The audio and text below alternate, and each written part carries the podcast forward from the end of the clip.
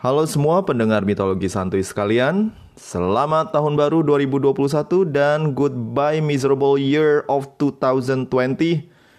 Huh, lucky to be alive. And semoga kita semua bisa bertahan di tahun yang baru ini dan hidup dengan lebih baik lagi. Stay optimis dan banyak kabar positif yang menunggu kita tahun ini dari vaksinasi, kebangkitan ekonomi, dan berbagai hal positif lainnya. Mari kita berpikir positif dan hindari negative thinking yang bakal membuat sistem imun kita lemah. You are strong and worthy. Remember that we will survive. Oke, cukup buat pidato tak penting barusan. Nah, sekarang kita akan lanjutkan cerita mitologi santuy edisi Hercules kali ini. Selamat mendengarkan.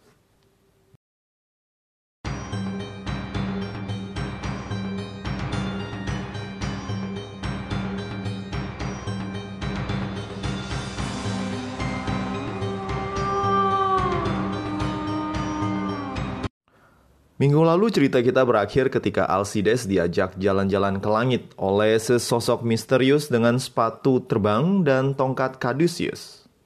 Sosok yang periang dan penuh pesona ini adalah... Ayo, siapa? Siapa? Siapa, siapa? Joni. Bukan, bukan Joni. Ya elah.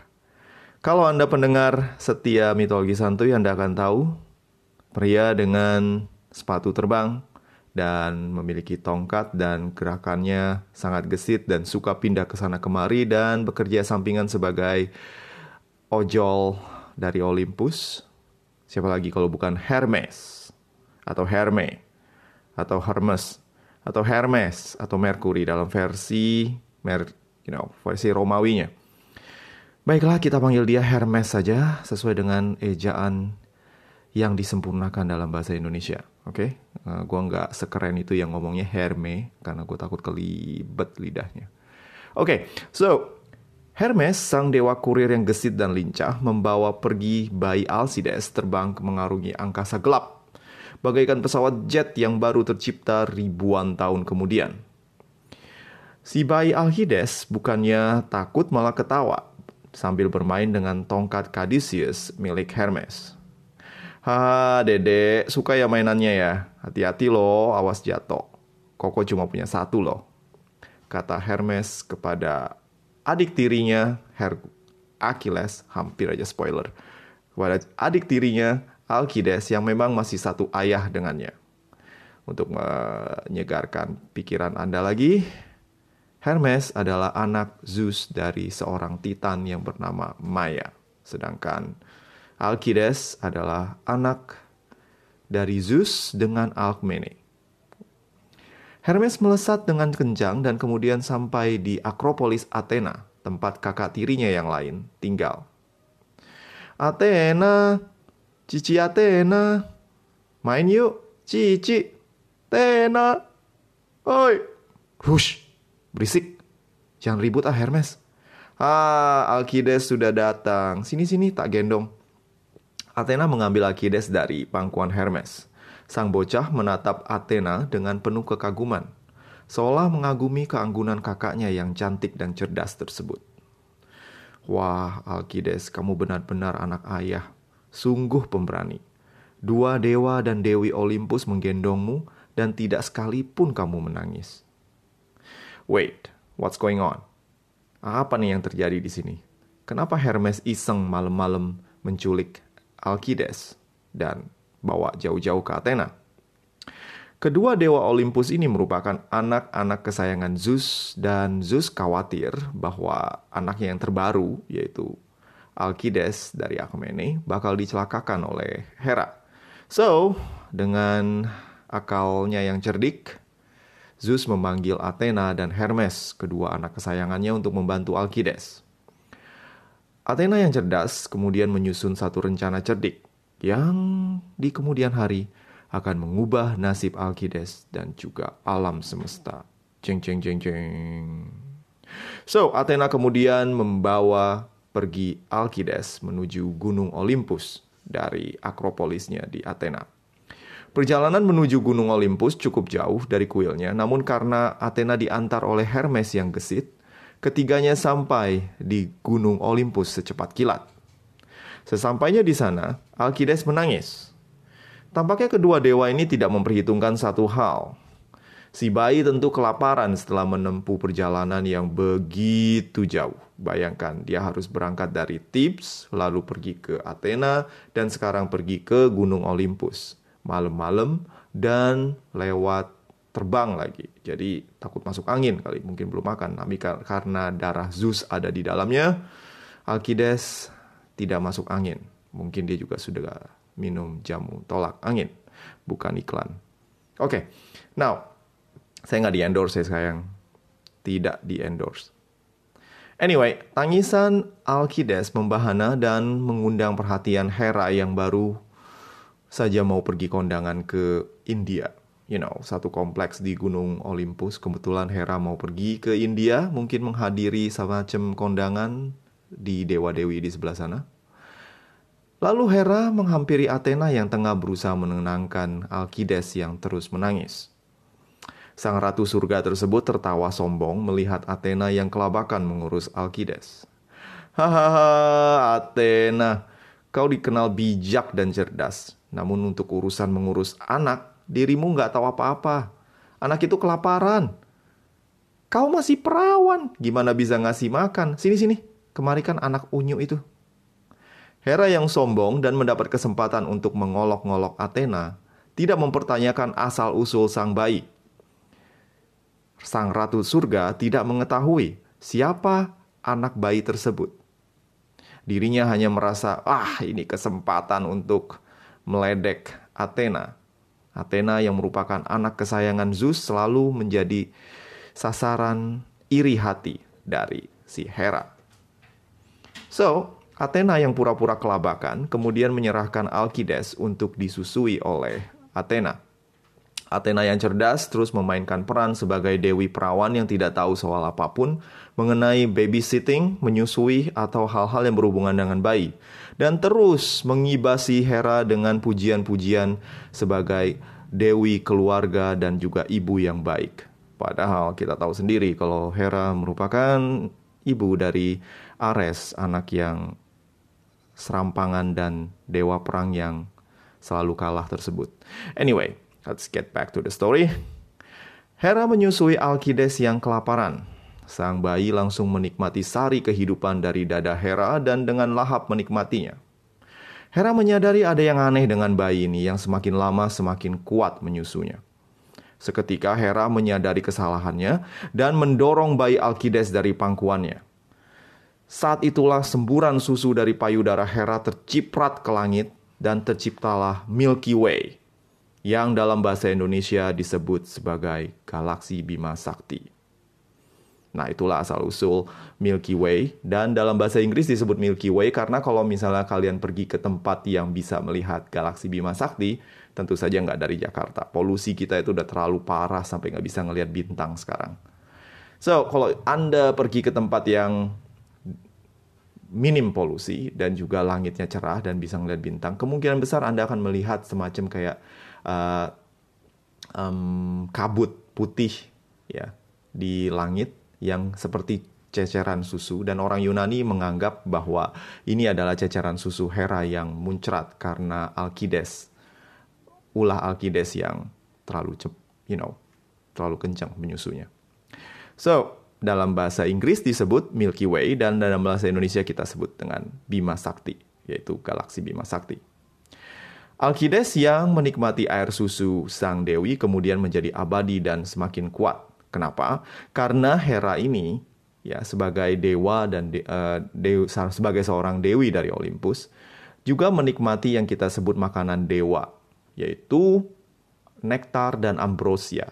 Ambrosia ini semacam uh, sari kehidupan para dewa yang bisa membuat para dewa itu hidup abadi. Jadi secara tidak langsung Alkides menikmati sari ambrosia yang membuatnya hidup abadi dan gagah perkasa.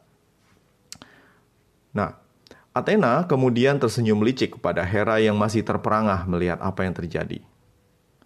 Lalu, Dengan sedikit tersungging licik, Athena berkata kepada Hera, "Terima kasih untuk asinya, Mama." Athena dan Alcides meninggalkan Hera dengan bantuan Hermes yang sigap meninggalkan Olympus sebelum kemarahan sang dewi surga tersulut. Sepeninggal Athena dan Alcides, Zeus sampai di sisi Hera dan dengan tertawa terbahak-bahak sang raja dewa sang raja para dewa tersebut menjelaskan asal-usul sang bocah. Hera semakin marah karena menyadari bahwa bocah yang berusaha dibunuhnya malah disusui olehnya. Bukannya kematian, malah kekuatan dan keabadian yang didapatkan oleh Alkides. Zeus yang tertipu oleh Hera mengenai penerus Perseus merasa mendapatkan keadilan dan dengan nada menyebalkan dirinya berkata, "Satu sama ya, sayang." Hera yang merasa tertipu lalu melampiaskan kekesalannya dengan melempar segala perkakas di hadapannya. Sementara Zeus tak peduli dan sibuk SSI online lewat DM Instagram kepada para selegram-selegram cewek yang sering sekali menari TikTok di Instagram. Anyway, let's get back to Earth. Mari kita kembali ke bumi. Nah, di bumi, pasangan Amphitryon dan Alkmene pergi menemui Tiresias yang sedang membuka praktek pijat tunanetra di rumahnya. Maklum, selain bekerja sebagai pendeta Apollo, beliau juga pandai mengobati atlet Olimpiade yang kecengklak kakinya. Setelah menunggu beberapa lama, pasangan ini berhasil menemui Tiresias. Tiresias yang buta lalu berkata, Mau pijit atau ramal? Ya ramal dong ya, habis itu baru pijit, kata Anfitrion yang kemudian dicubit oleh Alkmene yang gemes melihat suaminya yang cengengesan. Cengengesan. Hmm, baik. Ini pasti tentang anakmu Alcides ya. Say no more. Tiresias kemudian membakar menyan dan komat kamit membaca mantra dan menatap ke arah matahari walaupun dia buta. Tak lama kemudian, Tiresias tampak kesurupan dan dari mulutnya keluar busa dan kemudian dia pingsan. Alkmene dan Amphitryon kemudian saling menatap dan terheran-heran melihat Tiresias yang tiba-tiba jatuh lemas. Ya, dia malah mati, ucap Amphitryon sambil memeriksa denyut nadi Tiresias. Enak aja, gue masih hidup. Teriakan Tiresias mengagetkan Amphitryon yang kemudian latah berkata-kata kotor. Astaga Yas, copot jantung gua Yas, ya nggak usah ngegas gitu Yas. Begini, Apollo telah membukakan mataku. Aku melihat Alkides, anakmu, akan membantai monster. Banyak monster yang akan dibunuh olehnya. Dan binatang-binatang buas juga. Dan dia akan menjadi penyelamat umat manusia. Bahkan di kemudian hari juga menyelamatkan para dewa tapi amarah Hera tak akan padam dan selalu menyertai hidupnya yang malang. Demi Zeus, apa yang harus kami lakukan? Ganti namanya menjadi Herakles. Kemuliaan bagi Hera. Mungkin Hera akan senang dan membiarkan Alcides, eh Herakles, hidup tenang. Pasangan Akmene dan Amphitryon kemudian kembali ke rumahnya dan menemukan si bocah Alcides sedang sendirian di kotak bayinya. Si bayi nampak sehat dan kuat, sorot matanya yang tajam membuat Amphitryon dan Alkmene bangga menampung anak dari Raja para Dewa. Nah, sekarang namamu adalah Herakles. Well, Herakles adalah versi asli dari nama Hercules yang lebih populer. Kebanyakan literatur barat menyebut nama Zeus, anak Zeus dan Alkmene ini dengan nama Hercules. Kalau you pergi ke Yunani namanya jadi Herakles. Tapi karena memang kita lebih mengenal nama Hercules daripada Herakles, maka saya akan menggunakan nama Hercules saja. Tapi artinya tetap sama, yaitu kemuliaan bagi Hera. Nah, demikianlah cerita asal-usul nama Herakles. Sampai jumpa di episode mendatang. Ciao. Hehehe, bentar, bentar, bentar. Sorry sorry, belum ciao. Uh, gue minta maaf banget karena episode kali ini menitnya sangat uh, pendek, ceritanya sangat pendek. Gue uh, belakangan ini memang sedang banyak kegiatan dan lumayan uh, mengambil waktu luang yang biasa gue pakai untuk uh, membuat rekaman ini. Karena memang sekarang sudah mulai bekerja lagi, walaupun work from home, gue harus menyediakan tempat untuk kerja dan waktu. So, uh, sorry banget kalau episode kali ini tidak sepanjang biasanya. But I promise next time I'll give more than today's episode. Buat pendengar-pendengar yang baru, terima kasih untuk subscribe uh, Mitologi Santuy ini. Kasih tahu teman-teman ya, biar kita semakin banyak dan kita bisa bikin satu komunitas baru dengan Mitologi Santuy. Anyway, buat orang-orang atau eh, buat para pendengar, kok orang-orang, buat para pendengar yang uh, ingin interaksi dengan gue, uh, bisa hubungin gue di guruklana.com, uh, itu website gue. Kalau di Instagram Guru Kelana dan juga bisa di mana ya? Hmm, uh, email. Kalau you mau tulis unek-unek atau cerita bisa juga lihat sana yaitu gurukelana007 at gmail.com oke itu aja ya. See ya. Bye